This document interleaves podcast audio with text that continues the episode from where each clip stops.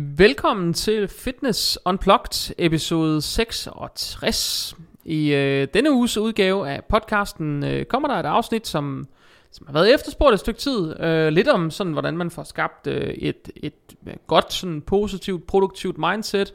Øh, og også hvordan man får, øh, får skabt noget, øh, noget vinderinstinkt på en eller anden måde.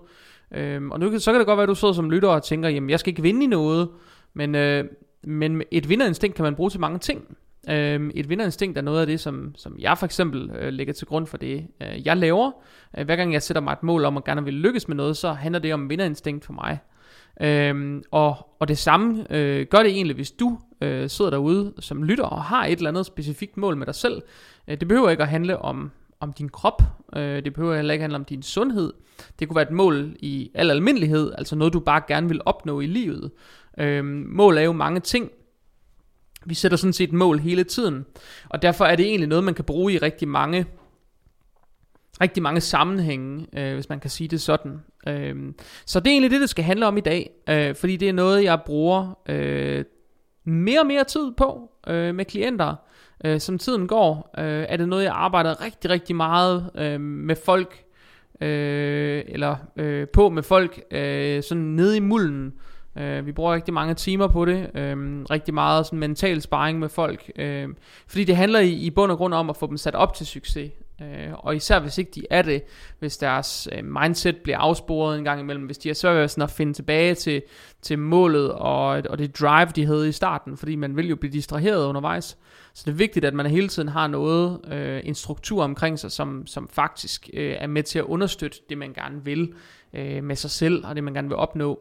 Så, øh, så det er egentlig det, den her podcast, den skal, den skal handle om. Og så, øh, så kan jeg sige så meget, at øh, her under corona, så er der måske nogen, der har opdaget, at øh, jeg begyndte at udgive lidt oftere. Øh, jeg tester faktisk lige nu, det tror jeg ikke engang, jeg har fortalt øh, Jakob Lydman, men jeg tester faktisk lige nu at prøve at udgive to gange om ugen. Okay. Øh, det vil jeg forsøge at gøre her i, øh, i februar måned. Øh, simpelthen fordi jeg har bare hammer mange gæster legnet op, øh, der gerne vil deltage. Og så tænker jeg, at det er et perfekt tidspunkt at teste af på, om øh, I som lyttere faktisk har mod på at skulle have to afsnit om ugen, eller det er for meget content i forhold til det sådan, behov, I føler, I har. Så øh, det er jeg meget spændt på, hvordan I tager imod, øh, og derfor vil jeg også gerne annoncere, at i hvert fald her i februar måned, det er en test lige nu, øh, der vil der både komme et afsnit om søndagen og om torsdagen. Så det er både søndag og torsdag morgen, du skal tjekke ind på din øh, podcast-app, og så, øh, så tjekke dine abonnementer, øh, fordi der vil komme en ny udgivelse. Så, øh, så det håber jeg selvfølgelig, I vil bakke op om. Øhm, og ellers så er podcasten, øh, den nærmer sig sgu 45.000 downloads snart. Øhm, så det stryger stille og roligt afsted. Og det er jo også noget af det, jeg sætter stor pris på. Den næste store milepæl, den er 50, så, øh, så det er virkelig, virkelig noget, øh, jeg arbejder hårdt for. Øhm, og det er også øh, en af grundene til, at jeg begynder at øh, lægge mere indhold ud. Øhm, det er ikke bare fordi, at jeg har øh, fået en masse spændende gæster på. Det er også fordi, jeg vil gerne, øh, jeg vil ikke bare gerne lave en en podcast, en, en podcast om fitness. Jeg vil gerne lave en af Danmarks bedste podcast om fitness, hvis ikke den bedste. Øh, det er i hvert fald mit ambitionsniveau, og det er det ambitionsniveau, jeg har, når jeg går ind til en opgave tit. Det er egentlig, jeg vil gerne gøre det så absolut godt som muligt. Øh, jeg vil gerne have den podcast, som I som lyttere tænker på, når I tænker på en podcast om om fitness. Det er, det er princippet, det det går ud på for mig. Øh, for mig handler det ikke om at kunne få øh, store fede sponsorater og alt muligt øh, spændende, spændende medietid. For mig handler det om at lave noget, som I som lyttere synes er mega fedt, fordi det er faktisk det, der gør det sjovt at lave podcasten. Øh, så det er noget, jeg bakser lidt med. Vi kører en test lige nu, så ser vi, hvordan I tager imod det. Og afhængig af det, så, øh, så vil det være øh, det, der afgør, om jeg ligesom holder fast i det. Hvad tænker du om det, Jacob? Jeg synes, at øh, for det første, øh, nice to know. ej, jeg har, jeg har selv lagt mærke til det. Jeg hører jo nogle af dem, dem jeg ikke selv øh, redigerer, kan man sige. Dem du ikke selv er over, ja. Præcis. Øh, ikke dem alle sammen, men når det lige er, øh, fordi jeg vil gerne jo være opdateret. Øh, lille spørgsmål, hvordan har det været at udgive to i ugen? Det ved jeg ikke endnu, fordi det er første gang den her uge, hvor jeg har gjort det. Okay. Nej, det passer ikke. Sidste uge lagde jeg faktisk også to ud. Ja. Øhm, så det er første gang i sidste uge, men det var ikke så struktureret, at jeg havde besluttet okay. en dag. Der, der røg den sådan lidt tilfældig okay, ud. Okay. Så den ene, øhm, Jeg tror især afsnittet om Jonas Germand, øh, det var lidt tilfældigt måden, den blev, det blev Mm. lagt ud på. Okay. Det fik heldigvis rigtig god traction, fordi Jonas han var, øh, han var super skarp på at, at bruge øh, noget tid på og øh, lige annoncere, at vi havde lavet podcasten. Det var et super relevant emne også, og det var også noget, der trak rigtig mange øh, lyttere ind, tror jeg. Øh, så der var mange ting, der gik op i en højere enhed, men det var faktisk sådan lidt tilfældig udgivelsestidspunkt, Ja. øh, den kom ud på. Så, så det her, det bliver sådan lidt mere fast øh, fra Yes, den her uge, okay. søndag og torsdag morgen. Øh, og så ser vi. Ja. Øh, nu... Øh, Ja, det afsnit, der er kommet ud i dag, øh, det er afsnittet med Helle Trevino. Øh, og øh, det her, det er jo episode 66, Mhm. mm. og det vil sige, at det her, det kommer egentlig ud en uge efter afsnittet med Helle. Ja. Øh, En øh, genganger. En genganger. Ja, Helle hun var med øh, på dansk, godt nok, men i foråret sidste år, og øh, i dagens afsnit, der er det godt nok på engelsk. Det var efter hendes ønske, men det er simpelthen fordi, hun har, hun har over 350.000 følgere, hovedparten af dem de engelsktalende, og hun gad godt at lave noget, som, som de også kunne få glæde af på en eller Det anden måde. forstår jeg også godt. Øhm, så selvfølgelig øh, har vi gjort det på den måde. Okay. Så, Hvad, hvad siger du? Nå, fedt. Øh, hvad hedder det? øh, Jeg har ikke fået hørt den endnu, men du lavede også en omkring bulimi. Nej, undskyld, ikke bulimi. Øh, Øh, body shaming. body shaming. Det Ja, glæder mig til at præcis. høre, fordi det er også et emne, øh, som er meget interessant, synes Ja. jeg. Jeg lavede med body shaming, øh, eller om body shaming med øh, Anna Torp, Mm. og den kom ud i søndags. Det vil sige, at når I hører det her afsnit, så er det ved at være sådan en god halvanden uge siden. Ja. Øhm, og øh, det, der kom ud på søndag, øh, det er om øh, det her ja tak lidt mindre tiltag, Ja. som øh, Kraftens Bekæmpelse står bag. Der har jeg simpelthen fået seniorkonsulenten på selve projektet med på en podcast. Faktisk super spændende, super god snak, jeg havde med hende. Fedt. Så der kommer en masse fedt. Det er faktisk det. I skal ikke... Øh, det her, den her podcast skal jo egentlig ikke være en opsummering af alt nej, det nej, gode, nej, der nej, kommer. nej, nej. Men, Men, øh, men, øh, men det er egentlig bare for at give en idé om, at jeg prøver, om ikke andet, at lave noget mere til jer. Øh, og håber selvfølgelig bare, at I tager rigtig, rigtig godt imod det. Det er faktisk bare det, øh, der er min øh, bøn til jer. Tag nu godt imod det. Vær søde til, ligesom I plejer. Gå ind og send mig feedback ind på min Instagram. Der er så mange, der er søde til at gå ind og lige sende mig en direkte besked og skrive, hej Jacob, jeg har hørt lige øh, dagens afsnit, eller jeg hørt lige et eller andet, åh, jeg synes det var fedt, eller jeg synes der lige manglede det her, eller jeg synes lige et eller andet. Fordi det er faktisk hver gang noget, jeg tager med i mine overvejelser, når jeg laver det næste afsnit. Jeg går faktisk op i de der beskeder, og jeg sidder og svarer på dem alle sammen. Øhm, så så jeg, jeg, jeg sætter faktisk pris på det, når I gør det, øh, fordi det er med til at højne kvaliteten af det, vi laver. Helt bestemt. Øh, og det er i virkeligheden bare med til at give jer bedre indhold. Så, øhm, så ja, det er der egentlig ikke det store i. Nej, Øh. og det giver vel også en form for motivation, som også er med til at højne kvaliteten, og som er med til at... Ja, så det er en god, hvad skal man sige, en win-win situation for Lige alle. præcis, det er et win-win. Øhm, og, og det håber jeg selvfølgelig bare, I vil sætte pris på. Øhm, at jeg tager godt imod, og I skal ikke være bange for at komme og sige jeres mening. Øh, godt, på godt og ondt. Så, Cool. så det er sådan set bare det. Og ellers øh, så vil jeg slå et slag for, at I fortsat øh, deler, når I lytter på jeres Instagram stories. Det er en kæmpe hjælp, og der er så mange, der er begyndt at gøre det, og det er mega fedt at se. Ja, Øh, husk at tagge mig som Bajøres Christensen. Det hedder jeg inde på Instagram, sjovt nok. Øh, og på Facebook, Jakob Christensen, coach og personlig træner, der kan I finde mig der.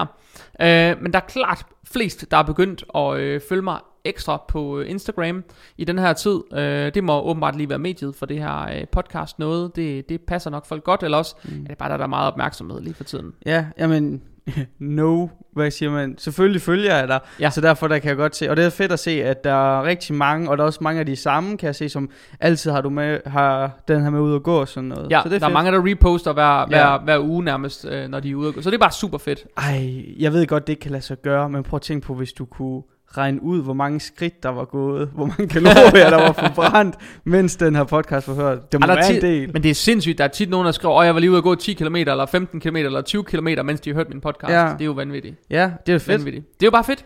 Så Øhm, det, det tager jeg øh, imod med kysshånd. Øhm, og så den sidste ting, inden vi skal i gang med dagens yes. afsnit. Det er til dem, der ikke har opdaget det. Så, øh, så har jeg fået en mulighed i øh, Aarhus for at starte personlig træning op. Og øh, det har jeg så gjort. Øh, vel at mærke, øh, uden egentlig at kunne komme i gang. Men øh, jeg har lavet en aftale med et center, jeg kender. Ejerne af øh, Powerhouse i Aarhus. Det et helt nyt center. Åbnede fire dage før lockdown. Og øh, de har faktisk været med i et afsnit øh, mellem jul og nytår.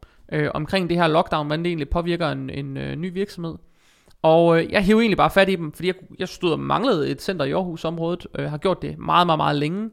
Jeg tror de sidste to-tre år eller sådan, har folk sådan intensivt efterspurgt, øh, er du ikke i Aarhus? Vi Ja. troede, du var fra Aarhus. Nå. Er der ikke et center i Aarhus, du kan bruge?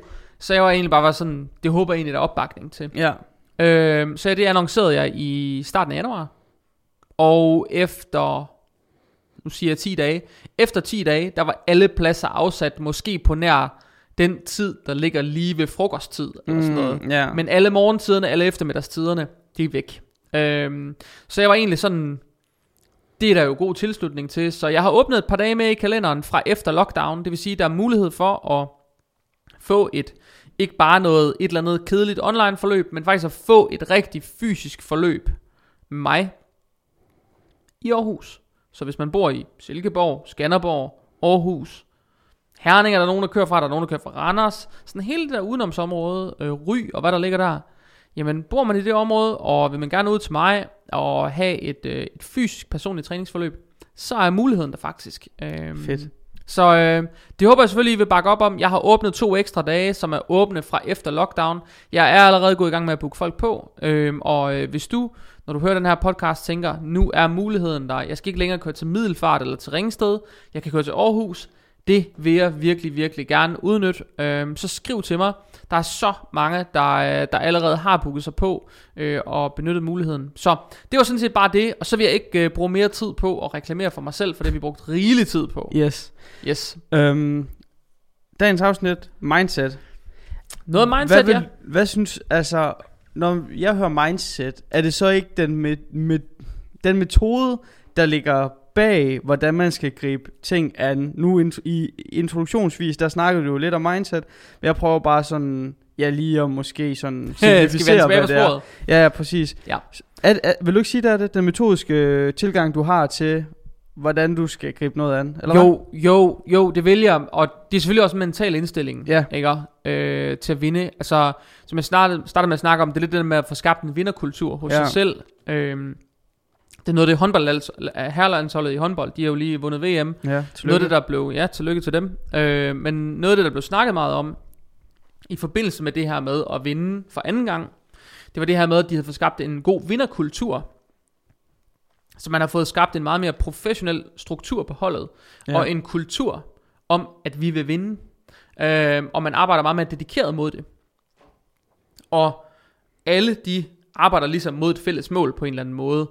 Øh, og de øh, tager det mere alvorligt. Øh, og alle sådan nogle ting. Og det gør de jo alle sammen, fordi at de har fået skabt et, en, en vinderkultur. Mm. Altså der er et vinderinstinkt hos spillerne også, ikke også?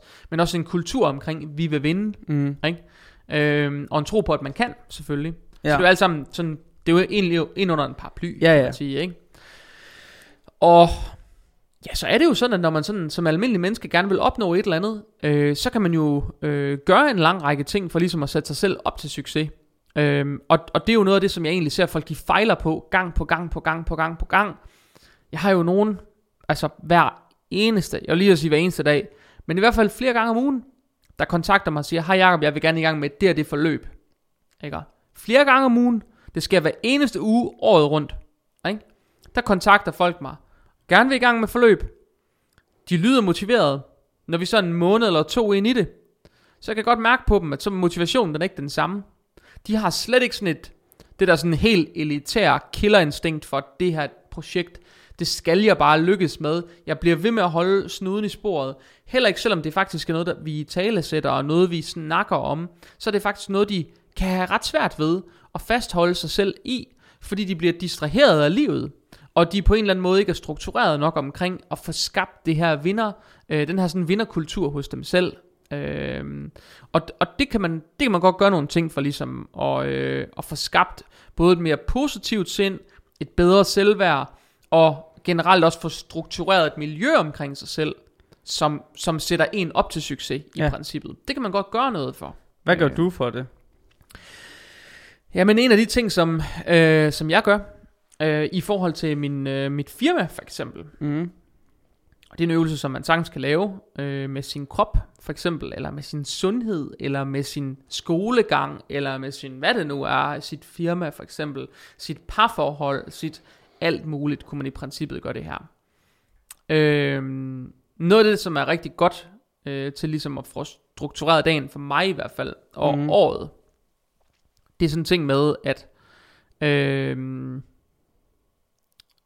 jeg har ligesom et mål for Mm. året, der sidder på en post-it note på Okay. min skærm. Så hver dag, når jeg sætter mig på kontoret og skal til at arbejde med klienter, så bliver jeg hele tiden mindet om, det er det, der, der er målet for i år. Ikke? Mm. Hele tiden og konstant. Jeg bliver hele tiden mindet om, det er det der, det der, det er mit, det skal jeg have ud af det i år. på Eyes on the måde, ikke? prize. Eyes on the prize. Okay. Det der, det er det, jeg vil i år. Okay.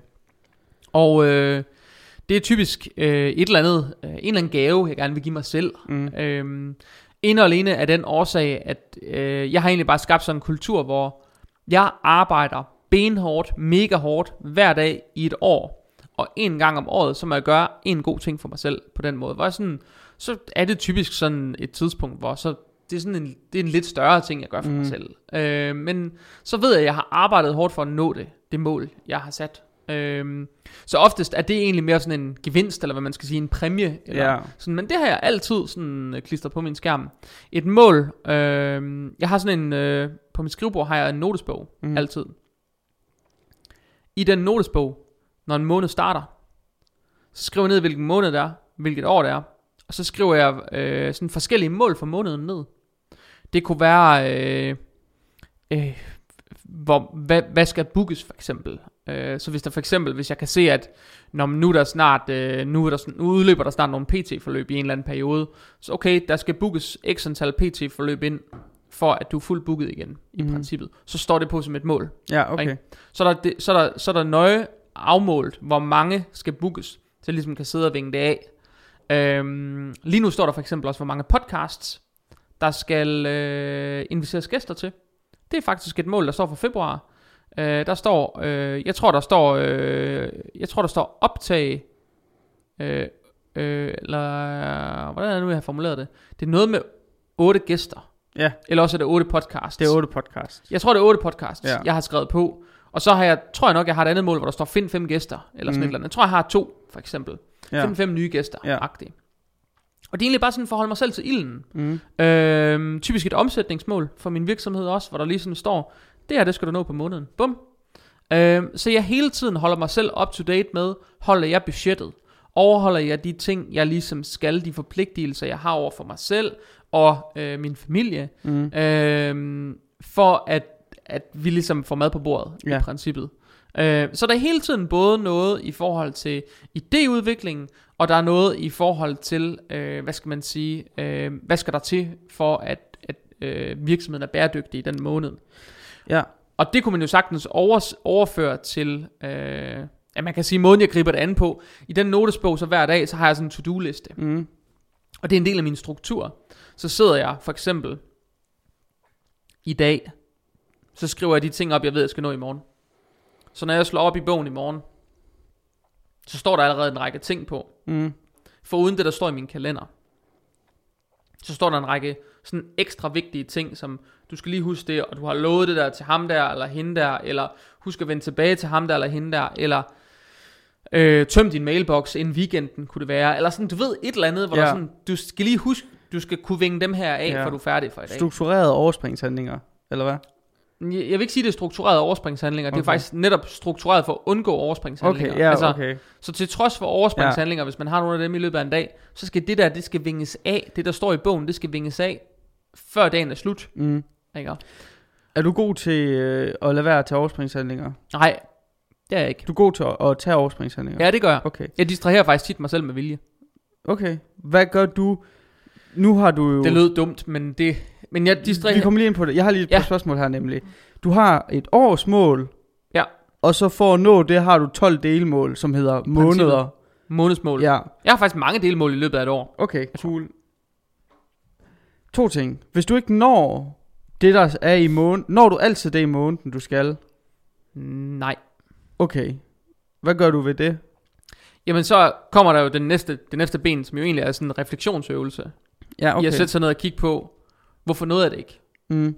Der kunne for eksempel være nogle, øh, for eksempel omstændighederne omkring corona. Ja. Da Mette lukkede landet ned, der kan man sige, der, når du arbejder i fitnessbranchen, lige, jeg vil sige, de første 14 dage, de var med med hårdt prøvet, fordi der var jo ikke en, der var jo ikke en eneste, der var interesseret i noget som helst med, med træning. Folk, de var nærmest sådan handlingslammede. Mm. Men der gik sådan 3-4 uger, så var folk faktisk tilbage på sporet igen. Øh, Ja. Så ville de gerne i gang og fandt ud af, skulle nu så gøre et eller andet. Ikke? Mm. Men øh, så marts måned for eksempel sidste år øh, blev fuldstændig ødelagt, og der skal man jo huske, når man arbejder i fitnessbranchen, vi har jo ekstremt stor sæsonvariation i omsætningen. Det vil Ja. sige, vi har jo ikke travlt i julemåneden. Nej. Vi har jo heller ikke travlt i, øh, i industriferien om sommeren for eksempel. Der er der jo ingen, der vil starte et forløb. Alle vil jo gerne vente til efter sommerferien. Ja. Alle vil gerne vente til efter juleferien. Det er klart. Ikke?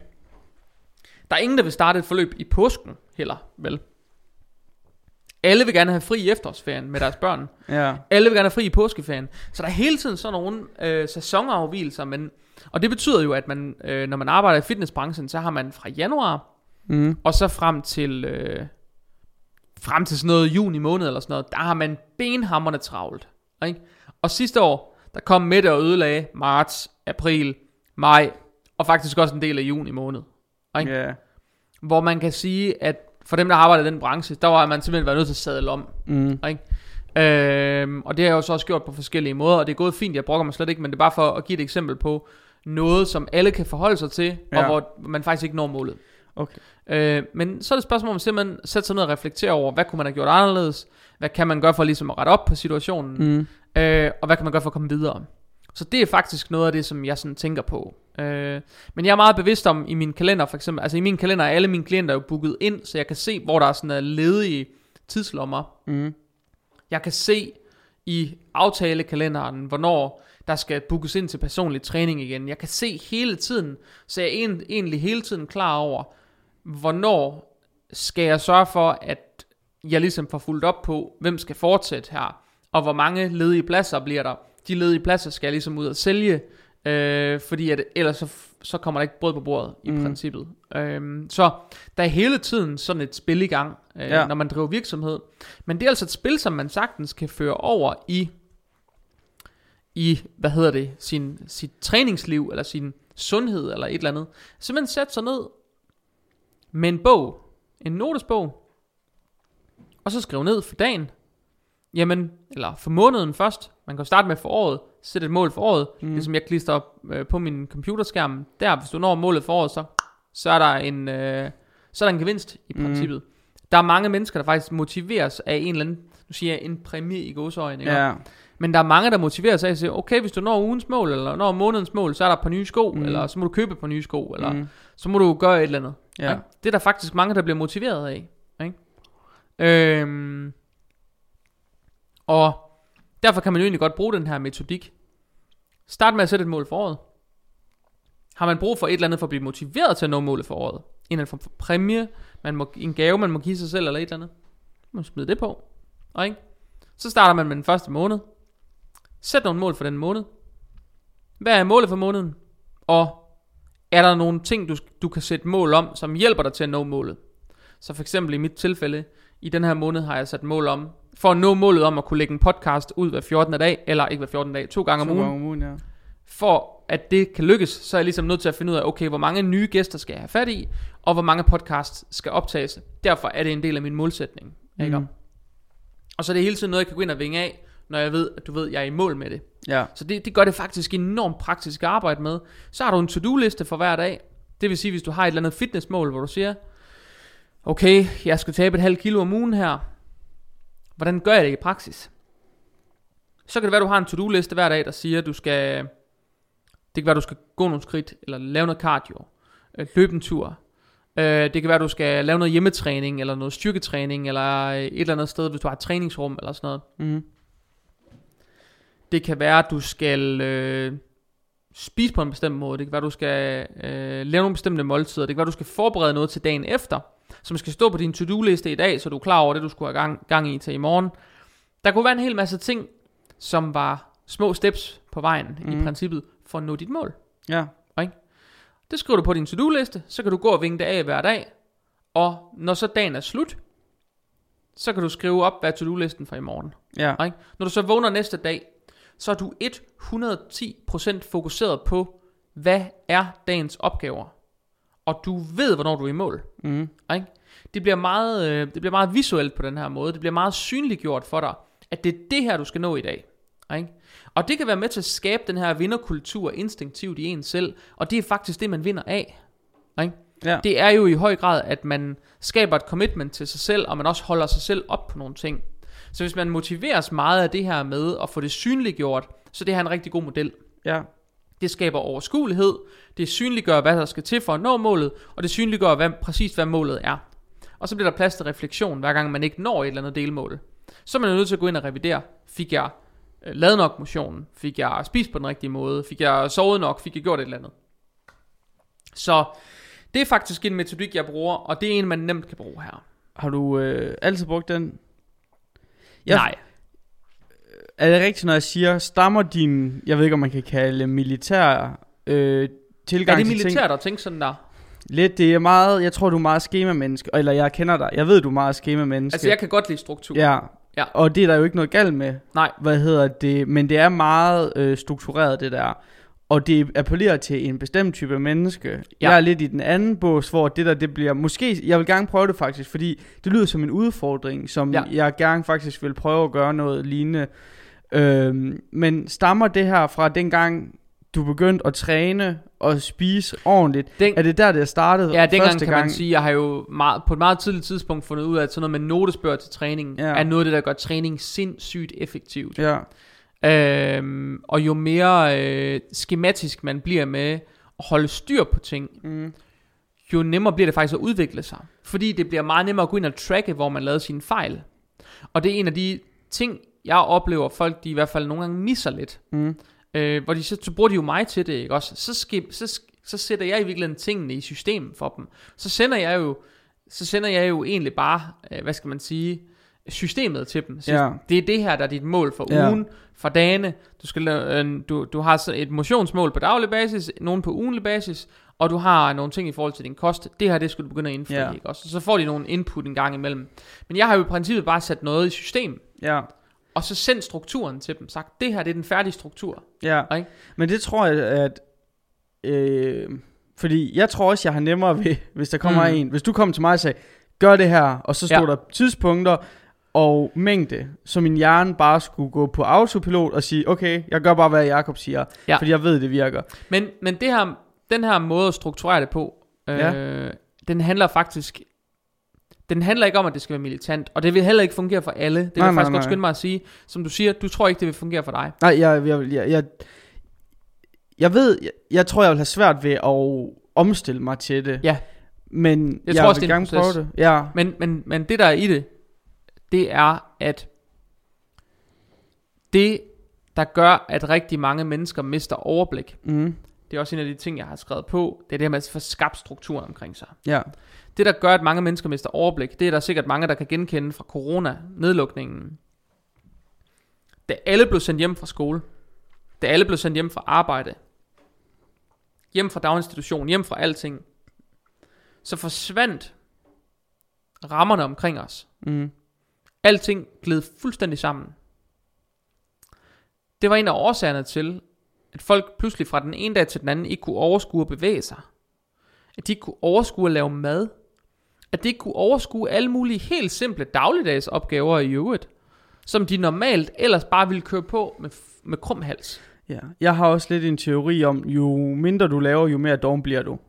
Altså sådan, hvis du bare vågner op, spiller computer, går i seng igen, så det der med at tømme opvaskemaskinen, det kan være meget hårdt. Men, Men- det, kan, men, men- det er vi enige om. Og hvis du har travlt, så det, åh, jamen, altså sådan, eller hvis du har, hvad skal man sige, mere CT, så Ja. er du alligevel op og i gang, og så ah, det er ikke så galt og sådan noget. Sådan har jeg det i hvert fald for mig selv, og jeg føler, når jeg snakker med folk, så er det tit studerende, som egentlig ikke laver så meget, der er utroligt.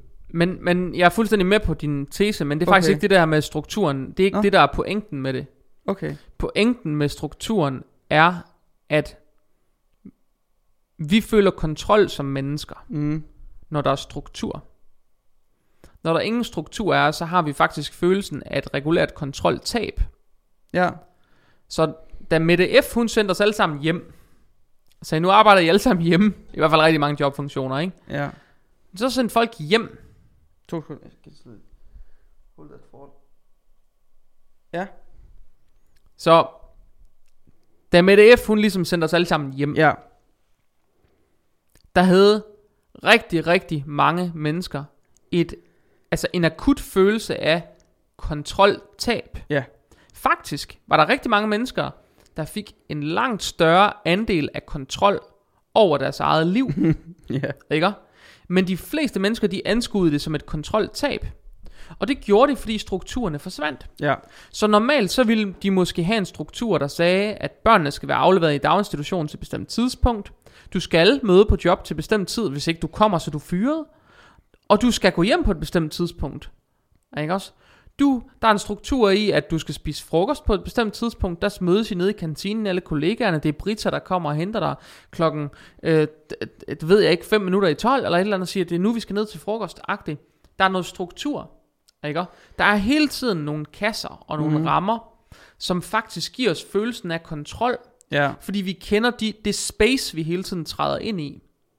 Det, at vi alle sammen blev sendt hjem, rammerne blev visket ud, og vi selv blev fuldstændig herre i eget hus, det gjorde jo, at rammerne forsvandt. Mm. Strukturen gled ud, og det betød, at folk de sad med følelsen af mistet kontroltab. Og faktisk havde vi pludselig nu selv kontrol over vores tid, Mm. men det brød mennesker sig ikke om. Nej, må jeg spørge om noget? Ja. Tror du ikke, det er det samme med for eksempel valg?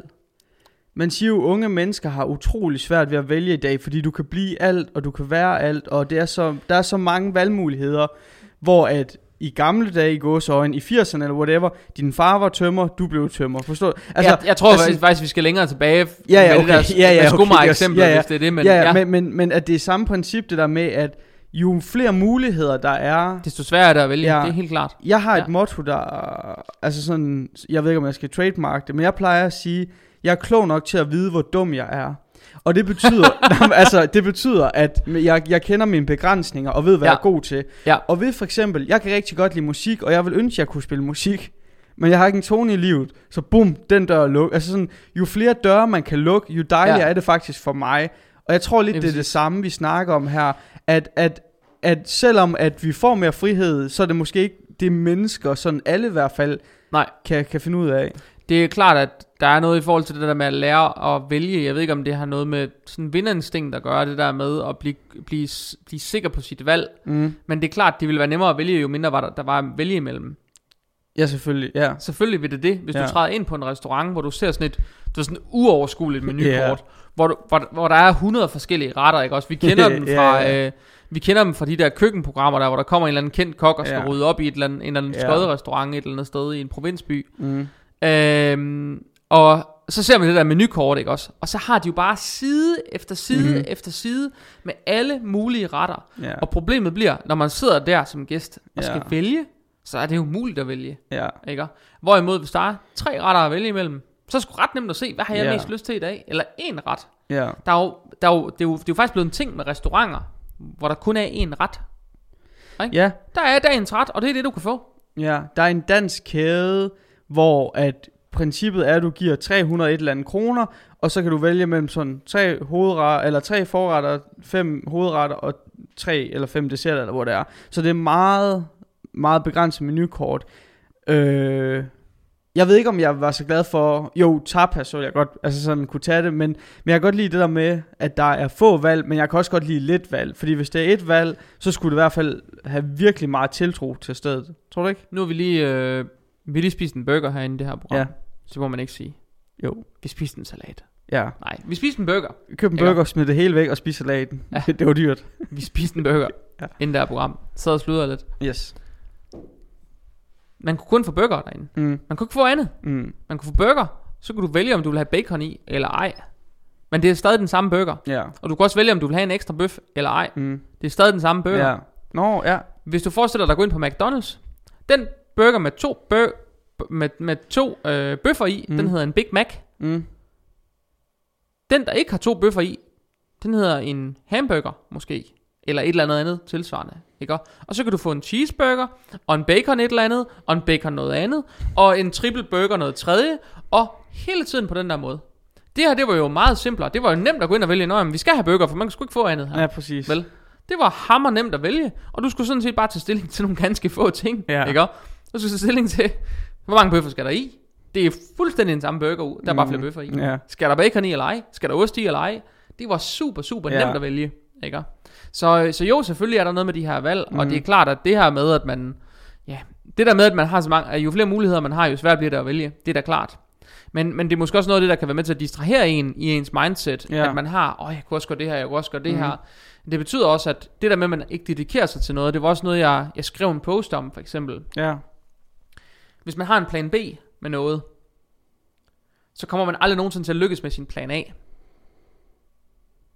Nej. Fordi det, at man har en plan B, der har man allerede forberedt sig på, at man ikke kommer til at lykkes. Ja. Så man har faktisk dødstømt Mm. sit mindset fuldstændig.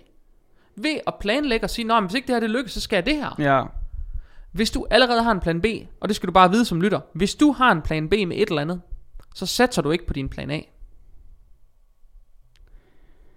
Og det gør man simpelthen ikke. Nej, man har ubevidst truffet det valg, at man godt ved, det er en kalkuleret risiko, og der er en sandsynlighed for, at jeg skal, skal noget andet. Ja. Og det betyder simpelthen, at man ikke går hårdt nok efter det. Man er ikke gået all in på det. Det er sådan set bare det, det betyder. Ja. Og en af udfordringerne er i Danmark. Danmark er jo en plan B. ja, det er jo rigtigt. Danmark er en stor plan B. Der står hele tiden nogen med en pose penge eller et sikkerhedsnet og er klar til at gribe dig, uanset hvor du falder hen, uanset hvad du mislykkes med. Mm. Så står der nogen, der er klar til lige at give dig en hånd. Ja. Ikke? Hele tiden. Der er hele tiden en plan B. Mm. Ikke? Der er aldrig sådan en rigtig sådan trumf på noget. Nej. Der er aldrig sådan, du ved, en konsekvens.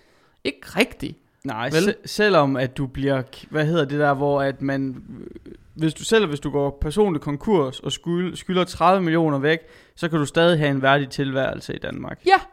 Og du kan sågar få en gældssanering, fordi folk Ja. finder ud af, at du kan aldrig betale pengene tilbage. Nej. Vel? Så, men, men det er bare det der med, at der er hele tiden en plan B. Nå, men hvis ikke du kommer Ja. ind på din drømmeuddannelse, så kan du bare tage en anden uddannelse. Ja. Hvis ikke, øh, fordi du kan altid få en uddannelse. Mm. Ikke? Nå, men hvis ikke du fik noget job, så kan du altid få noget A-kasse. Hvis ikke du kan få noget A-kasse, så kan du få noget kontanthjælp, eller noget uddannelseshjælp, mm. eller Mm. noget, hvad det nu hedder, øh, integrationsydelse, eller hvad Ja. fanden de kan finde på, ikke? Ja. Der er hele tiden en eller anden ydelse, der rammer en. Ja. Ikke? Uanset hvor man er hen, så er der, så, og det er ikke fordi, der er noget galt med det. Nej, nej. Proble- problemet er bare, at vi er vokset op i et samfund, hvor det der med at satse på noget, vi faktisk får lært, altså vi får lært fra vi er helt, helt små børn, at du behøver ikke at satse på noget. Du behøver aldrig at gå all in på noget, for der står altid et sikkerhedsnet, der griber dig. Ja, og vi får måske også endnu mere at vide sådan, at ah, tag nu den sikre vej. Altså, Men ja, vi, får, jeg, vi får jo også at vide af vores forældre. Jeg fik da at vide af mine forældre, da jeg sagde, at jeg vil være personlig træner. Mm. Sagde min mor, "Ej, du er også nødt til at tage en uddannelse, fordi ja, Det der, det kan man jo ikke leve af, så du er nødt til at have noget at falde tilbage på. Alene ideen om, at du skal have noget at falde tilbage på. Jeg brugte, ja, alle de år, jeg gik på Aarhus Universitet, der var jeg vred over verden. ja, og, ikke? Altså, det, og det siger bare noget om det der med, at jamen, en plan B, så har du jo allerede besluttet, ja, at du ikke går all in på din plan A. Det er derfor, du har den. ja. Ikke? Ja, altså jeg har jo også, altså sådan, den eneste grund til, at jeg har en øh, HHX og en øh, bachelor, det er jo også social pres, om det er så direkte eller indirekte mm. for ens forældre. Det der med, at sådan, jamen hvad så hvis øh, det der video noget, eller hvad så hvis øh, whatever jeg nu har kastet mig ud i. Altså, det har jo bare været pres hjemmefra, hvor jeg Ja. tænker sådan, hvis jeg var 17 år, da jeg gik i gang med at lege med kamera, så havde jeg 11 års forspring nu. Altså sådan, Ja. i stedet for, og så kunne jeg jo altid læse senere, hvis det var det, så jeg skulle bare have kastet mig ud i det. Ja. Selvfø- det, det har ikke været spildt, fordi jeg har lært en masse ting undervejs, men jeg vil da stadig ønske, at jeg øh, havde lidt mere tro på mig selv, i stedet for bare at lytte. Men det, når man er ung, så lytter man jo også til sine forældre. Det, hele den der plan, plan B-tankegangen, det er, en, det, det er så gennemsyret i vores, øh, i vores kultur. Jamen ikke? sådan, vi kan godt lide medianen i Danmark. Ja, og det er også bare derfor, jeg siger det i den her sammenhæng, fordi det, i forhold til mindset, Mm. hvis man virkelig vil opnå et eller andet, det er fuldstændig ligegyldigt, hvad det er. Hvis du virkelig vil opnå noget, så skal du bare vide en ting, og det er i det øjeblik, du har lavet en plan B, så har du tabt. That's it. Og det er så vigtigt at forstå det. I det øjeblik, du laver en plan B, så har du anerkendt, at du kommer ikke til at lykkes. Mm. Og det er et kæmpe problem. Fordi vi fortæller i virkeligheden vores mindset, i det øjeblik, vi går i gang med at lave en plan B, Mm. og hvad gør jeg, hvis ikke det her det lykkes? Så gør jeg bare noget andet. Ja. Ikke? I det øjeblik, vi gør det, så fortæller vi også os selv, du kommer ikke til at lykkes. Nej. Og sandsynligheden for, at man så kommer til at lykkes, hvis man aldrig nogensinde går all in på det, man virkelig, virkelig, virkelig drømmer om, den er bare så ultramikroskopisk lav, at det skal være tilfældigt, hvis det overhovedet lykkes. Ja, Ikke også? man, man kan sige, der er ikke noget galt i at tøve, og der er ikke noget galt i at være i tvivl. Nej, Men når man har truffet valget, jeg satser på det her, så skal man også follow through, fordi alle har jo det, der hedder øh, imposter syndrome. Det der, who am I? Ved du, hvad imposter syndrome er? Jeg tror, vi har snakket om det før. for, forklar det bare for Ja. dem, som lytter med. Øh, imposter syndrome, det betyder jo, og det ligger lidt i ordet, at du er en, øh, der ikke hører til, hvor du er. Ja. For eksempel, når jeg, da jeg Altså, hvis man er en imposter, så udgiver man sig for at være noget, man Ja, ikke er. præcis. Ja. Øh, når jeg sidder til et møde nogle gange og fortæller noget, eller hvis jeg for eksempel skal lave podcast med dig, eller skal sælge til en ny kunde, så får jeg nogle gange den her følelse af, ej okay, jeg ved da heller ikke, hvad jeg laver. Altså sådan, og så sådan, hvem, hvem lytter til mig, og hvem, hvem skulle nogensinde, altså sådan, og det får man bare en gang imellem. Mm. Og så kommer man til at tænke på, hey, vent, ej, jeg ved da egentlig godt, hvad jeg snakker om, men alle får det der imposter syndrome en gang imellem, i større ja. Eller mindre grad. Og det er ikke det, du siger, at man ikke, altså, at man ikke, øh, at man er svag, hvis man, øh, hvad hedder det, øh, tvivler. Men hvis du dedikerer dig til noget, så skal du ikke gå half-assed, fordi så kunne du lige så godt lade være første gang. Er det ikke det, vi lige er præcis, ude lige i? præcis, lige præcis. Det her, det handler om, at hvis man har et rigtigt mål, Ja, hvis man har et mål, en drøm om et Mhm. eller andet, så skal man bare vide, at der er ikke noget galt i at satse 110% på det. Og så, altså, ryge ned på røv og albuer. 100%. Der er ikke noget galt med det, fordi så ved man med sig selv, jeg har prøvet, Ja, og man kommer til at tage noget læring med sig videre fra den oplevelse, når man får nederlagene. der er aldrig noget, der forgæves. Der er aldrig noget, der er forgæves. Det skal man virkelig vide. Der er aldrig noget som helst, der er forgæves. Alting har altid en årsag. Mm. Og hvis du ender i den der situation, hvor du fra start, når du sætter et mål, så tænker, ah, det er nok heller ikke rigtig opnåeligt, så jeg laver lige en plan B. Mm. I det øjeblik, du laver din plan B, så satser du bare ikke længere 110% på din plan A. Præcis. Og, og det er en udfordring for dit mindset i princippet, fordi du fortæller dig selv, sandsynligheden for at du vinder, den er ikke særlig stor, mm. så gør nu noget andet i stedet Ja. for. Det er bare problematisk, og det, det passer ikke ind i den der, hvis man gerne vil skabe en succesfuld kultur, hvor man i virkeligheden opnår de mål, mm. som man sætter sig for med sin krop, med sin sundhed, med sin skolegang, eller sit job, eller udviklingen af et firma, eller hvad det nu er, opdragelsen af sine børn, eller et eller andet. Hvis man gerne vil opnå et eller andet, det lyder ekstremt med opdragelsen af sine børn, det kunne være et smart sted at have en plan B, men, men, men nogle gange så skal man også ture og satse på den idé, man har, og Ja. satse på den tanke, man har, den følelse, man havde. ja. Og hvis man ikke tur, hvis man ikke tør satse 110% på den, så er der bare en øget risiko i det øjeblik, man ikke gør det, for at man ikke lykkes. Og det er, faktisk, det er jo egentlig bare det, der er pointen her. Ja, at Ikke? en plan B, det er jo vel, hvis man skal oversætte det til sundhedsting, så er det selvdestruktivt. Ja, Altså fordi, absolut. fordi Helt vildt. du, du, det er jo bare en sikker måde, øh, prøv at tænke på, hvis du bruger, hvis vi bare siger, øh, at man har 100 øh, tankeprocent i sin, virks, i sin tankevirksomhed, og hvis du så bare skal dedikere 7, Mm. 10, 15, 20 procent af dem til at tænke på en backup plan. Det er altså ja. Mange procent tankevirksomhed, du kunne have dedikeret til plan A, Ja, fordi sådan er det bare. altså, du kan bare tage sådan en ting som herhjemme. Jeg ved, der er, der er nogen, der bliver sure, når jeg siger det her. Der vil sidde nogen, nogle af jer som lytter, som bliver vrede, når jeg siger det. Prøv lige at lytte til, hvad det er, jeg siger, i stedet for... Altså, Og tolke på det. I, I stedet for at gå efter manden, så prøv lige at gå efter bolden. Ja. Ikke? Der er ikke nogen, der behøver at slå mig ihjel, slå mig ihjel over det her. Men hvis ikke vi havde et A-kassesystem i Danmark, hvor man ikke, altså hvis vi ikke havde et system, hvor man kunne få dagpenge for eksempel, så ville vi ikke se de her situationer, hvor folk sidder med et meget, meget højt uddannelsesniveau, og siger nej til jobs, fordi de mener, at de ikke vil nedværdige sig til at tage de jobs. Så vil vi se en situation, hvor folk de kæmpede for deres overlevelse i stedet for. Så vil de jagte for det første at få det job, de gerne vil have, men de vil også være villige til at tage et job hurtigere, i stedet for at jagte det rigtige job. Ja. Fordi plan B'en ligger hele tiden i den der dagpenge, hvor de kan sige, at jeg kan, hvis jeg, jeg kan godt sige nej til at gøre rent, Mm. fordi Mm. jeg har stadig mine dagpenge, så kan jeg sidde derhjemme og hygge mig til Netflix. Ja. Hvis ikke de havde det, hvis de vidste, der skal altså mad på bordet, ungerne de skal have madpakker med i morgen, Ja. så vil, så vil de handle, de vil blive meget mere handlekraftige. Så Ja. vi har egentlig fået skabt et, nu siger jeg, et svagt system. Det er jo godt at have et system, der holder hånden under de svageste. Det er jo en mega god ting. Ja. Men vi har også fået skabt et system, hvor de allerstærkeste hjerner, de egentlig kommer til i mange situationer og sidder sådan lidt i venteposition hele tiden og vente på det perfekte, det ideelle, det de virkelig ønskede sig. Ja. I stedet for at gå ud og jagte det, så sidder de lidt sådan tilbage i en venteposition. Så det bliver faktisk lidt sådan det der plan, plan A B, jeg snakker om. Ja, og hvis man øh, lige nu sidder og ved at kaste sit headset af helvedes til, fordi man er sur på det, der er lige blevet sagt, så kan man for eksempel høre efter, hvad jeg siger nu. En af mine rigtig gode venner, en af de klogeste, irriterende kloge mennesker, jeg kender, han tog lige halvanden år, han har en god opsparing, kommer fra et rigtig godt hjem, men han tog lige halvanden år på dagpenge, fordi han lige ville slappe af og spille computer og bare lave ingenting. Det er ikke øh, ski, pengene det er fint, han kunne betale hans husleje, han kunne købe noget at spise, han har en stor opsparing, så han kunne købe, hvad han har vil, men hvad hedder det, der var ikke brug for at lave noget, hvad hedder Nej, det, Der var ikke så, behovet var der nemlig Præcis, ikke. fordi, og det var sådan lidt, Nå, men nu har jeg siddet halvandet år her, øh, det kan også godt være, at han sad der et år, og så efter et år, så tog det ham lige et halvt år at finde et job, fordi der er måske nogle Ja. arbejdsgiver, der spørger, "Hvor- hvorfor har du siddet stille et år? Og det er jo også Ja. det, der sker sådan, hvis du lige pludselig har to års gap i din Ja. ja. karriere, sådan, der er jo ikke skide fedt at ansætte en, som bare Nej. Har pillet navle i to år. Og det, det er jo netop det, man kommer, man får skabt sådan, en, sådan et miljø, hvor, hvor, det, Ja. hvor, man, hvor det bliver acceptabelt at hvile på laverbærene. Ja, Og hele tiden sådan sidde i venteposition på en Ja. eller anden måde. I stedet for, at man lægger sig ud i overhalingsbanen, og så moser på. ja, Og, og det, det, er jo, det er jo faktisk noget, vi, det vi snakker om med det her, for skabt den her vinderkultur i sig selv, ikke også? ja, Det er jo et spørgsmål om, at man, man kommer væk fra laverbærene. ja. Man skal holde op med at hvile på dem, ikke? Man kan hvile, når man bliver gammel, ikke? Det, det er nu, man skal tage handling på de, på de ting, man gerne vil opnå.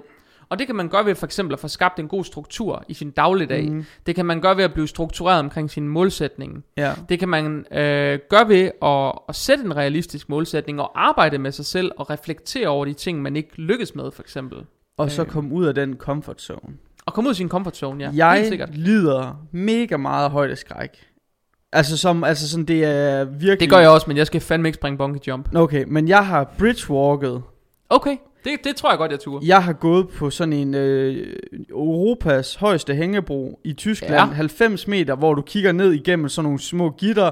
Altså sådan, dine sko sådan rammer øh, et par steder på det der gitter der, og så kan jeg ellers øh, resten af bunden mase igennem det der gitter der. Okay, Og, og der er jo lidt vind og sådan noget.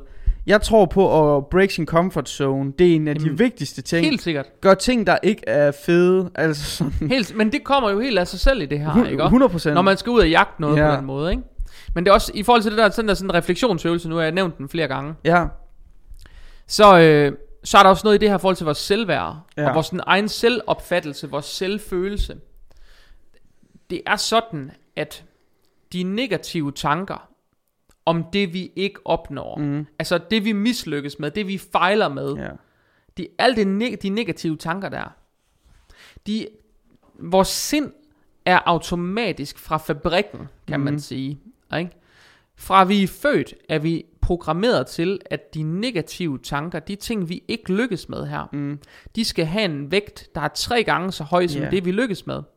Og det vil sige, at alle de anerkendende tanker, de mm. fylder en mikroskopisk del i forhold til øh, det, vi ikke Ja. lykkes med. Men det kan jo være, at man har en situation, hvor man, lad os sige, man... Øh, og det er jo derfor, det opstår, men det, det kunne være, at man havde en situation, hvor man for eksempel har sat sig for, at man skal træne fire gange på en uge. ja. Ikke? Så når man kun tre træninger, og så vil de fleste kunne gå og genkende den der følelse af, så dunker man sig selv oven i hovedet over den ene træning, man ikke nåede, ja. I så for glæde sig over de træninger, man faktisk nåede. Ja. Ikke?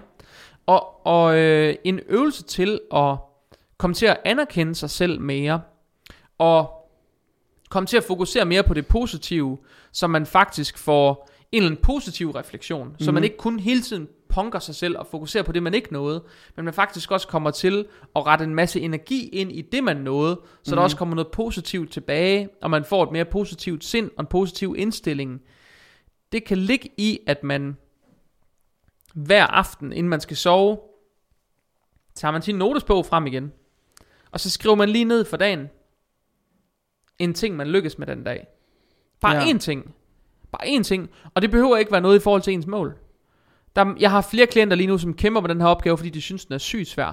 Mm. Og siger til dem, prøv bare lige at skrive en ting, du lykkes med. Er du stået op, så er du lykkes med noget. Har du ret sengen, så er du lykkes med noget. Har du taget opvasken? Har du lavet mad? Har du smurt madpakke? Har du gået i bad? Har du sat håret? Har du lagt din makeup? Har du gjort whatever? Gået en tur? Hvad det nu end er, hver gang man er lykkes med noget, Mm. bare, du skal bare skrive en ting. Ja. Det, der sker for de fleste, når de begynder på den opgave, der de starter med, at er latterligt, de lykkes med den dag. Et eller andet, som er af relativt lille betydning i deres mm. sind. Ikke også? Og når jeg siger latterligt, så mener jeg faktisk ikke, det er latterligt. Men jeg mener, i af værdi i forhold til det, der måske vil bringe dem i mål, så kan det godt føles som noget lidt latterligt, man så skriver, åh, jeg lykkes med at stå op. Ja. Åh, der var jeg godt nok god. ja. Men, men der vil man komme til at starte en trend, hvor man så siger, Nå, men hvis jeg lykkes med det, så lykkes jeg faktisk også med at komme i bad. ja. Så lykkedes jeg faktisk også med at, øh, at spise morgenmad. Og så smurte jeg egentlig madpakker. Og så, øh, så fik jeg egentlig gået en god tur, og så fik jeg lige lavet noget arbejde, og så bup, bup, bup, bup, bup. Og så før man har set sig om, så har man faktisk skrevet en liste med måske 8, 10, 12, 15 bullet points. Eller også har man bare skrevet en 2-3 stykker, Mm. men man har stadig skrevet mere end den der ene, som man Ja. synes måske var lidt ubetydelig. Ja. Så skriver man nogen sådan af lidt større værdi, helt automatisk, fordi man egentlig får sådan, man får sat gang i En øh, snibboldeffekt. En snibboldeffekt, Ja. også? Ja. Så du, det du siger, det er, at man skal have, hvis du kigger på noget tangible, altså noget håndgribeligt, Ja. hvor du kan kigge på en liste og sige, what, jeg har lavet 15 ting i dag, jeg føler, jeg har Ja. lavet intet, men når man så kan kigge på sine accom- accomplishments, altså sine, øh, øh, hvad hedder det? Det man har lykkes med. Ja, Ja. det man har lykkes med, Sine bedrifter. ja, sine bedrifter, så har man lige pludselig klaret relativt meget, og det er Ja. selvforstærkende i forhold til, som du snakker om før, selvdestruktiv ved at negative ting, det vejer hårdere. Ja. Og det gør det, og du, hvis du nogensinde hører, jeg kender mange folk, der har utrolig meget succes, så er der to, der skriver i deres YouTube-kommentarfelt, eller et eller andet, ej hvor øh, træls indhold, og det smadrer dem, selvom der er 2.000 gode kommentarer. Ja. Og, sådan, og sådan er det med alt, altså sådan også, øh, det kan være folk, du ikke har noget til overs for, der giver en dårlig kommentar til dig, som slet ikke skal diktere, hvordan din hverdag er, og lige pludselig, så er, har du det dårligt, fordi den person har, altså sådan, mm. Og sådan er der så virkelig meget, Og det er, det er netop lige præcis det. Det her, det handler om at forvente noget af den energi, ja, så man faktisk begynder at anerkende sig selv for Ja. noget. Og det kan godt være, det starter med, som jeg siger, at det er noget lidt ubetydeligt. Måske noget, man synes er lidt latterligt, som Ja. man starter med at skrive, som den ene ting, mm. man skulle skrive egentlig. ja, Men det får snibbolden til at rulle. Og det betyder, at man faktisk, det egentlig går op for en Gud, ved du hvad, jeg har faktisk lykkes med ret mange ting i dag. I, og, og det kommer til at være selvforstærkende de dage, hvor man så egentlig synes, man har haft en dårlig dag, så kommer man til at sætte sig ned og sige, jamen hov, vent nu lidt, jeg nåede faktisk rigtig, rigtig meget i dag. mm. Øhm, og det, det er noget af det, som, øh, som, som jeg synes, øh, man jo i hvert fald skal, skal have øje for. ja, Ikke? helt bestemt. Skal der øh, nulstilles nogle kameraer eller noget? Nej, ikke lige nu, der burde at være, øh, der er syv minutter til, det skal nulstilles. Stærkt. Okay. Øh, men spørgsmålet er om, øh, ja, jeg klipper jo bare det her ud, om, nu har vi været i gang i 57 minutter, om vi skal til at runde af, hvis det skal være en times tid. Ja. For jeg synes Det, egentlig, at øh, jeg kom godt i gang, eller godt rundt om tingene. Det, øh, det skal vi. Øh, jeg tænker, jeg har lige sådan en, øh, lavet en lille liste. Ja. Ja. Jeg tænker, kan vi lige runde af med. Ja, afslutningsvis, rigtig mm. god idé. Du kører bare. Øhm, ja, jeg ved ikke engang, hvor vi kom fra. Du har lige afsluttet det her emne med lister.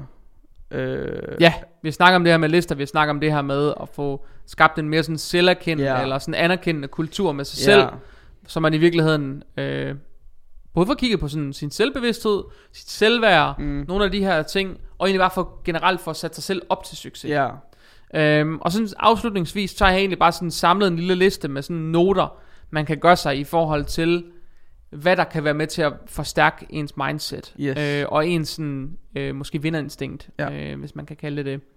Øhm, og den første ting, jeg har skrevet ned, det er noget med vilje til at arbejde med sig selv.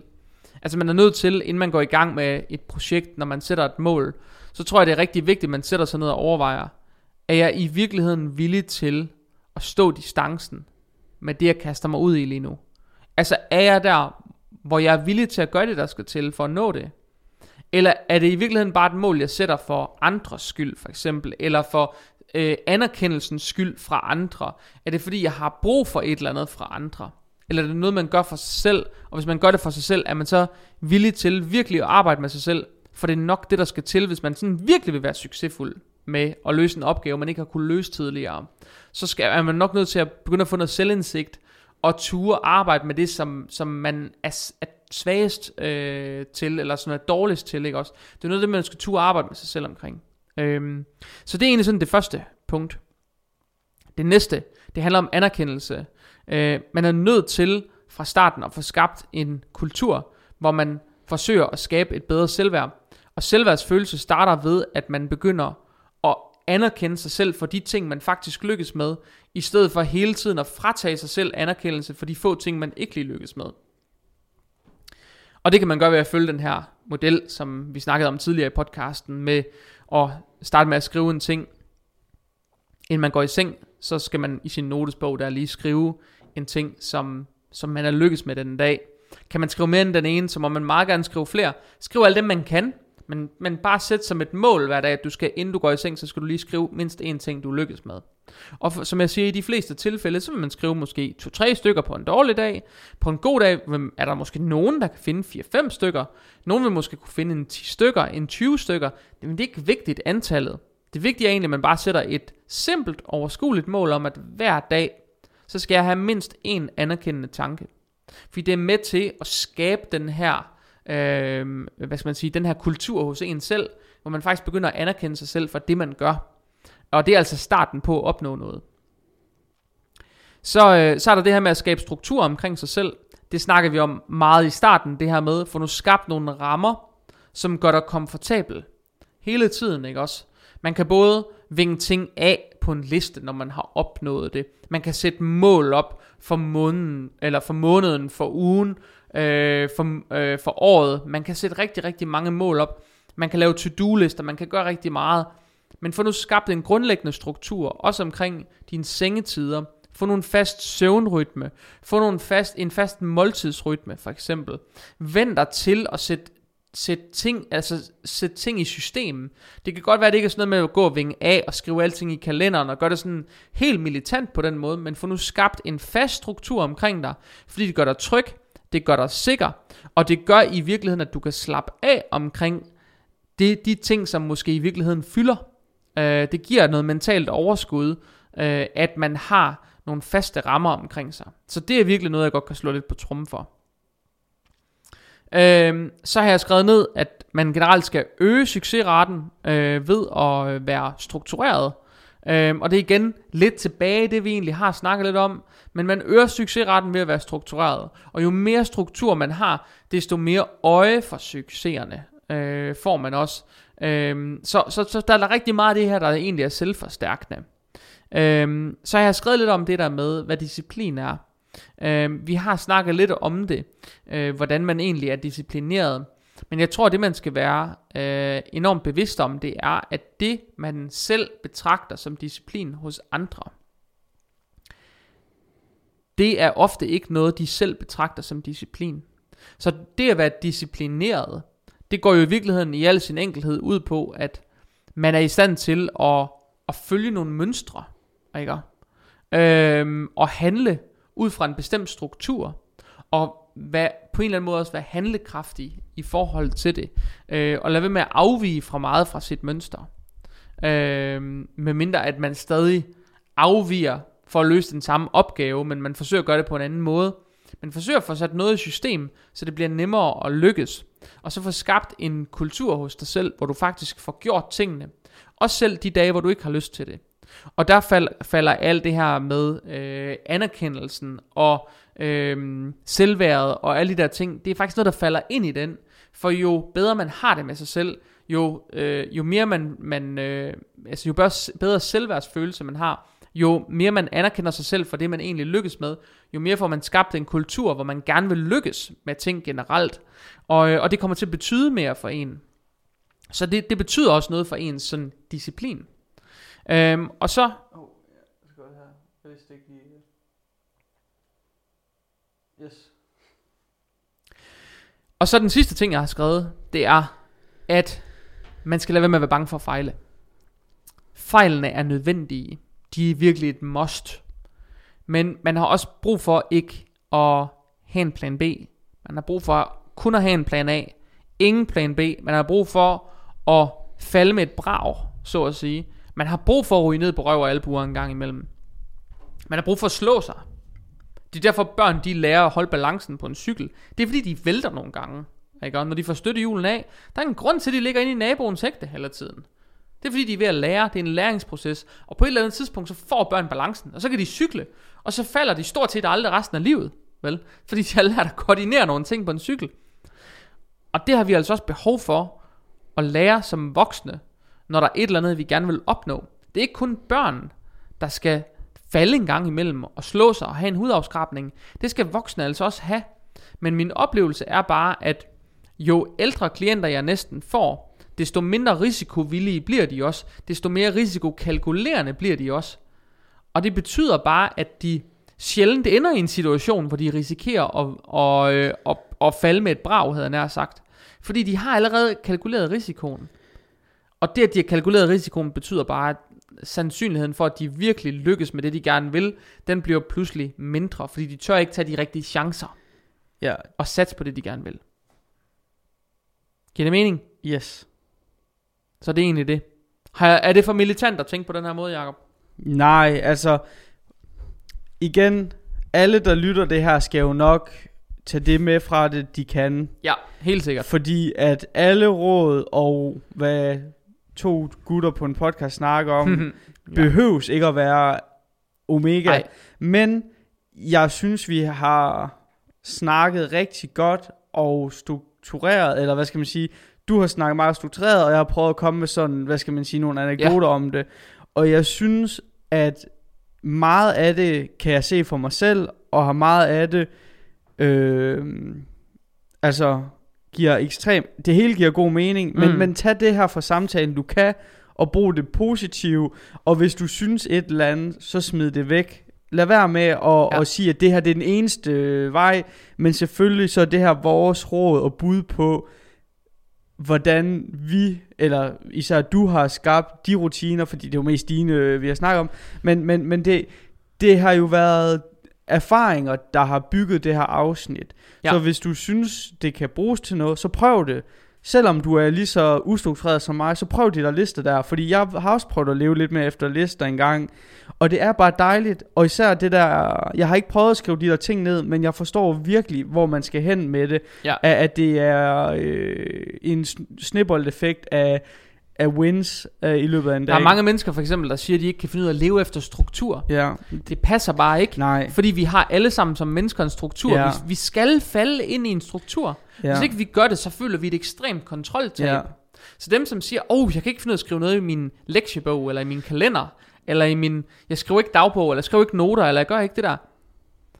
Det er noget bullshit på en eller anden Ja. måde, fordi vi, vi har alle sammen behov for struktur. ja. Vi, Jeg, vi trives sådan set bedst i det. yes, jeg er jo i en meget sen alder som 27-årig begyndt at bruge en kalender. Det, Ja. det er ikke mange måneder siden. Okay, hvordan har det været? Meget dejligt. Jeg, nej, men, nej, men altså, jeg kan kigge i, mig og min kæreste, vi skal til at have en fælles kalender, også derhjemme for at få mere Mhm. struktur på det. Men Min kæreste, hun har så troet mig med en i mange år, men okay. jeg har ikke fået en endnu. Okay, men, men øh, en af mine chefer har det, og det virker rigtig godt for ham. Og jeg vil gerne have det, fordi at vi spørger tit hinanden, hvornår er du hjemme, eller hvornår, skal, Ja. hvornår har vi lige tid til Rikke Jakob hygge, eller øh, hvornår kan vi gøre ting og sådan noget. Så vi vil gerne have en fælles kalender sammen. Men siden jeg er begyndt at bruge en professionelt, så er det så dejligt, fordi hvis Ja. der er nogen, der kommer og spørger mig, det er ikke sket, men hvis der kommer en og spørger mig sådan, laver du overhovedet noget her? Så kan jeg sige, ja, du kan jo kigge i min kalender, og så vil du se, at jeg laver, altså sådan, du ved, hvad jeg mener, sådan, ved, Ja. ved, sådan man kan altid se, hvor jeg har været, og hvor jeg er på vej Ja. hen. Du kan, øh, i stedet for at, at dobbeltbook, så har du en kalender, altså sådan, alt bliver streamlinet. Det er så, jeg synes, det er dejligt nu at sidde og skrive ind Men- i kalenderen. Det er faktisk det, en to-do-liste kan. Ja. Den giver jo det der totale overblik. Præcis. Og det betyder, at man bliver meget mere, øh, man bliver meget mere bevidst om den tid, man bruger på Ja. hver opgave. Man bliver meget mere, for, altså i det øjeblik, man bliver bevidst om, hvor mange opgaver, der skal løses, ja. så bliver man også bevidst om tiden per opgave. Yes. Så der sker rigtig mange gode ting i det her. Ja. Og det kan godt være, at folk sidder og tænker, wow, for at jeg kan lykkes med min livsstilsændring, eller for at jeg kan lykkes med mit træningsmål, eller for at jeg kan lykkes med et eller andet, skal jeg så virkelig være så hardcore, at jeg skal gå så langt? Det er ikke sikkert. Mm. Det kan være, at du bare skal bruge nogle af elementerne. Det kan være, at også, de også bare tiltaler dig, hvor du tænker, yes, jeg elsker at tænke på den måde. Mm. Og det kan også være, der er noget af det, hvor du tænker, ah, det er sådan lige rigidt nok. Men jeg tror egentlig, ideen i at tænke i generelt at visualisere sine mål, Ja. Når man har visualiseret sine mål, det gør man typisk ved at skrive dem op foran mm. sig Mhm. selv. Hænge dem i køleskabet og sådan klassiske tricks. Så ligger der også noget i hele tiden egentlig at finde ud af, hvordan når jeg målet. Ja.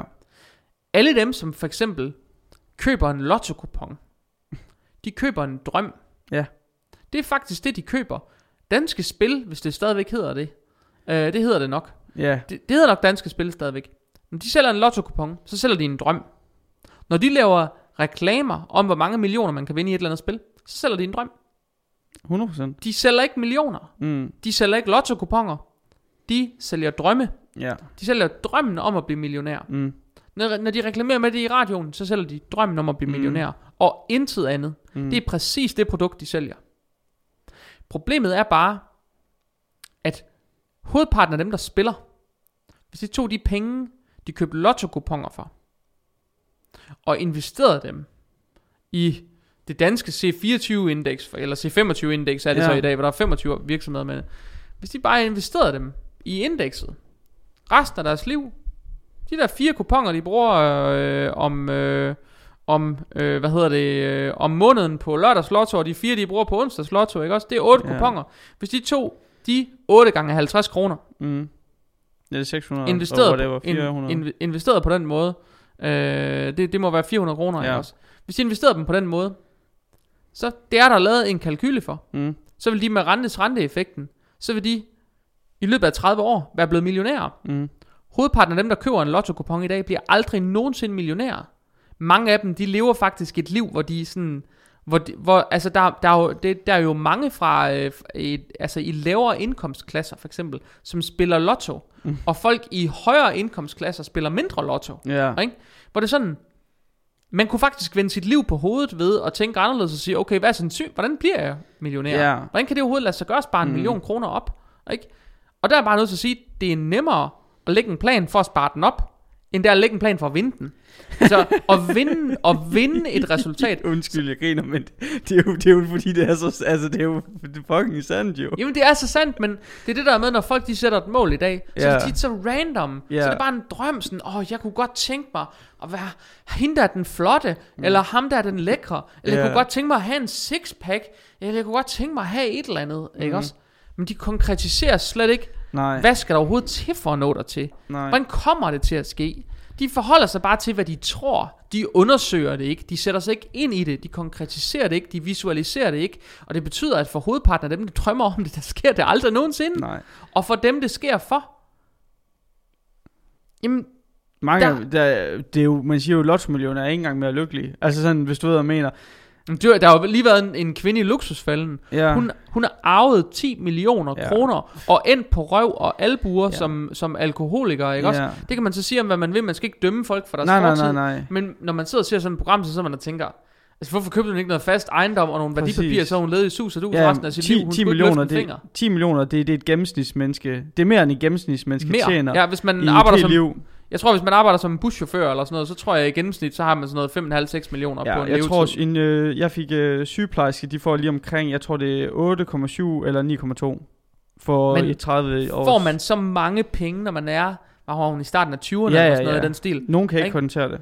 Får man så mange penge i den alder, investerer man dem rigtigt, Ja, så kan man leve som mange millionærer resten af sit liv. 100%. Uden overhovedet at skulle spekulere over noget som helst. 100 procent. Ikke? Det er 100 procent. Og det er ikke fordi, det her program det skal handle om millionærtips. Nej, nej, nej. Men det er bare for at give en idé om, at rigtig mange mennesker bliver tiltalt af drømmen om noget, ja. men de tager ikke action på den drøm. Og et mål uden, uden en plan, det er altså bare en drøm, kære venner. Mm. Og det er virkelig det, I skal hæfte jer ved ved det her afsnit. Hvis ikke I har en plan for eksekveringen, hvis ikke I holder jer selv op på noget, så sandsynligheden for, at I kommer til at lykkes med det, den er bare umenneskeligt dårlig. Og I er nødt til at finde ud af, hvor hen i den proces skal I starte. Det er ikke engang sikkert, at man er, man er der mentalt, hvor man er klar til at arbejde dedikeret efter et mål. Det kan være omvejen, for eksempel. at Jeg har jo masser, der går i sådan nogle kognitive forløb, hvor vi arbejder med deres mindset, hvor vi arbejder med deres selvværdsfølelse, og hvor vi arbejder med deres sådan, adfærd omkring spisning og sådan noget, mm. for at de overhovedet kan nå til et punkt, hvor de bliver klar til en dag at kunne tænke på noget med vægttab. Ikke? Og det kan godt være, det er noget, vi arbejder på i et år, mm. eller Mhm. et eller andet, hvor vi har samtaler hver 14. dag eller hver måned. Ikke? Men det betyder til gengæld på et eller andet tidspunkt, når de er dertil, hvor de er klar. Mm. Og så kan det lykkes. Og det er derfor, det aldrig nogensinde er lykkes tidligere i deres liv. Det er fordi, de aldrig har sat sig selv op til succes. De er aldrig blevet klar. Vel? Og så det er noget af det, jeg godt kan slå et slag for. Det er, det er ikke sikkert, man er der, hvor man er, er klar til at sætte sig så dedikeret et mål, som man kan gå efter lige nu og her. Men så find lige ud af, hvor du er henne i det. Og hvad du så skal starte med at arbejde med, for at få det bedre med dig selv, for at komme tættere på det, du gerne vil opnå, så du reelt set kommer til at lykkes. Det er bare det, jeg siger. Ja. Så det er ikke sikkert, at alle, der hører den her podcast, der vil være nogen, der nok bliver negativt stimuleret af den, fordi de tænker, det der, det kan jeg slet ikke. Men så er du slet ikke i målgruppen for lige præcis det her afsnit. Du er ikke klar til at indstille et vinderinstinkt omkring et mål på den her måde. Der er du nødt til at arbejde med dit mindset om, hvordan du kommer derhen, hvor du kan begynde at jagte nogle mål. Ikke også? Og så er det det, man skal fokusere på. Mm. Og der er den der selvværdsøvelse, det kunne være en ting, det, eneste, det kunne være det eneste, man gjorde for eksempel. Hvis man er der, hvor man virkelig ikke er klar til det der, så kunne det være den eneste ting, man tager med herfra. Selvværdsøvelsen, hvor man en gang om dagen, inden man skal i seng, så har man en lille kalender ved siden af sin seng, og en kuglepen, og så skriver man lige mindst en ting ned, man er lykkes med den dag, altså en bedrift af en slags. Yes. Og kan man skrive mere end en, må man gerne det. Kan man kun skrive den ene, så holder man sig bare til det. Prøv det i tre måneder, og så prøv at se, hvordan du faktisk har det med dig selv. Jeg tror, at de fleste de ville finde ud af, jeg havde en, der sagde det til mig, hun havde gjort det i en uge. I en uge, fordi hun havde set en eller anden, at jeg havde postet det. Jeg havde postet det i en Instagram post, helt tilfældigt i en story. Så hun prøvede det i en uge. Jeg har aldrig fået så positive e-mails fra hende, nogensinde. Og jeg har arbejdet med hende i over et år. Så havde hun prøvet det der, altså sådan Ja, spredt ja, hen ja, over ja, ja, ja. to år. Så hun har startet med at gå i et forløb, og så har hun kommet i mål. Ja, ja, ja. Fint. Og så er der gået pff, halvandet år, så hun startede op igen med et nyt mål. Ja. Ikke? Så hun prøvede det der, fordi hun synes, hun var lidt nede i et hul. Ikke? Så prøvede hun at tage op på den der øvelse. Hun fløj på en sky, lige pludselig. Fedt. Hun var slet ikke sort ser mere. Hun så slet ikke alt det negative, hun så kun det positive. Så tænkte hun, det er godt, det har virket det her, nu stopper jeg. så kan du selv regne ud, at ugen efter der, så kom hun bare lige ned Ja, i et ja, hul ja, igen, ja, hvor hun ja. tænkte, hold da op, der er gået noget galt her. Ja. Og så kom vi til at snakke om det her den anden dag, og så siger jeg, "Så der var godt nok den der uge der, hvor der var du godt nok øh, fyr og flamme. Ja, nu skal du høre, jeg prøvede den der øvelse, du lagde ud på Instagram, så tænkte jeg, det skal jeg prøve. Ikke? Og det er bare så sjovt, det virker. Ja. Ikke? Det, man er bare nødt til at vedholde det med sådan en type øvelse, fordi den bliver ved med at stimulere, og i det øjeblik, man fjerner stimuli, så, så vil ens tanker også ledes tilbage til det, man naturligt er sådan instinktivt er programmeret til. Ja. Og det er faktisk det, der bliver faren her. Ikke? Så, øhm, så jeg kan godt anbefale, hvis ikke man er klar til at, at, at strukturere et, øh, altså strukturere en struktur, eller sådan, det lyder mærkeligt, strukturere en struktur, Skabe en sin struktur. Ja.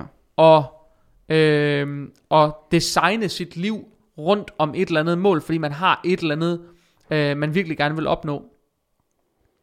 Så prøv lige at overveje, hvad skal der egentlig til, for du når dertil, hvor du bliver klar til at dedikere dig til at nå et mål. Ikke? Fordi det er så måske det rigtige arbejde med i forhold til mindset.